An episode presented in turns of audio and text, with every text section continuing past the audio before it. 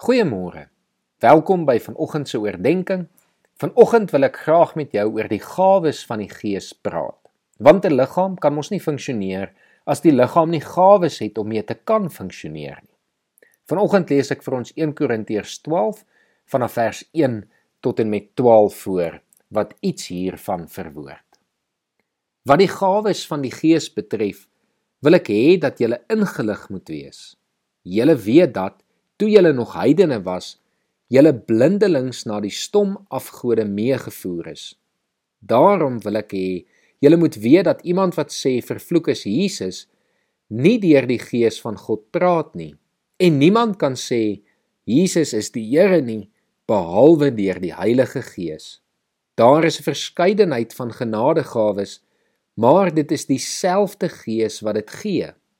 Daar is 'n verskeidenheid van bedieninge, maar dit is dieselfde Here wat die opdrag gee.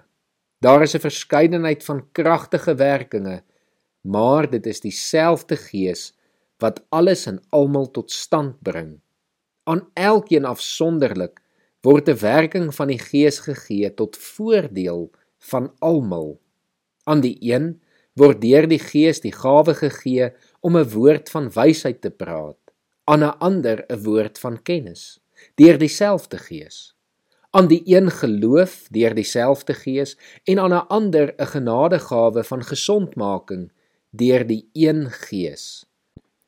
Aan die een gee hy die krag om wonders te doen, aan 'n ander die gawe om te profeteer en aan nog 'n ander die gawe om tussen die geeste te onderskei.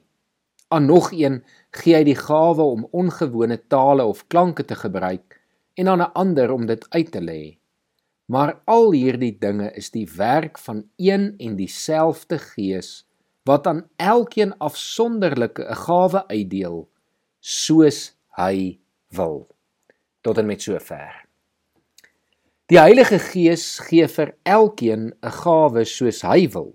Daarom is dit belangrik om te weet dat die Heilige Gees vir jou 'n gawe sal gee as jy bereid is dat hy jou gebruik. Maar Ons moet nooit die fout maak om te dink gawes word vir ons gegee sodat ons goed of belangrik kan voel nie. Dit kan nooit oor my of jou gaan nie. Nee, gawes word gegee volgens vers 7 tot voordeel van almal, tot voordeel van almal binne die liggaam van Christus. Sodat die liggaam van Christus, soos ons gister gehoor het, kan funksioneer en dienend in hierdie wêreld kan wees. Jy sal dus 'n gawe ontvang om ander te kan dien.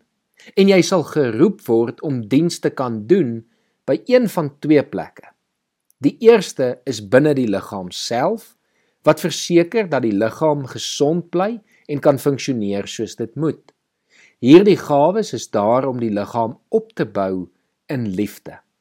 Gaan lees gerus hoe Efesiërs 4 dit vir ons verduidelik as jy klaar hier geluister het. Dit is gawes soos wysheid en kennis en lering en geloof en onderrig en bemoediging en eintlik kan die lys baie lank raak. Die punt is dat al hierdie gawes daar is om die kerk op te bou.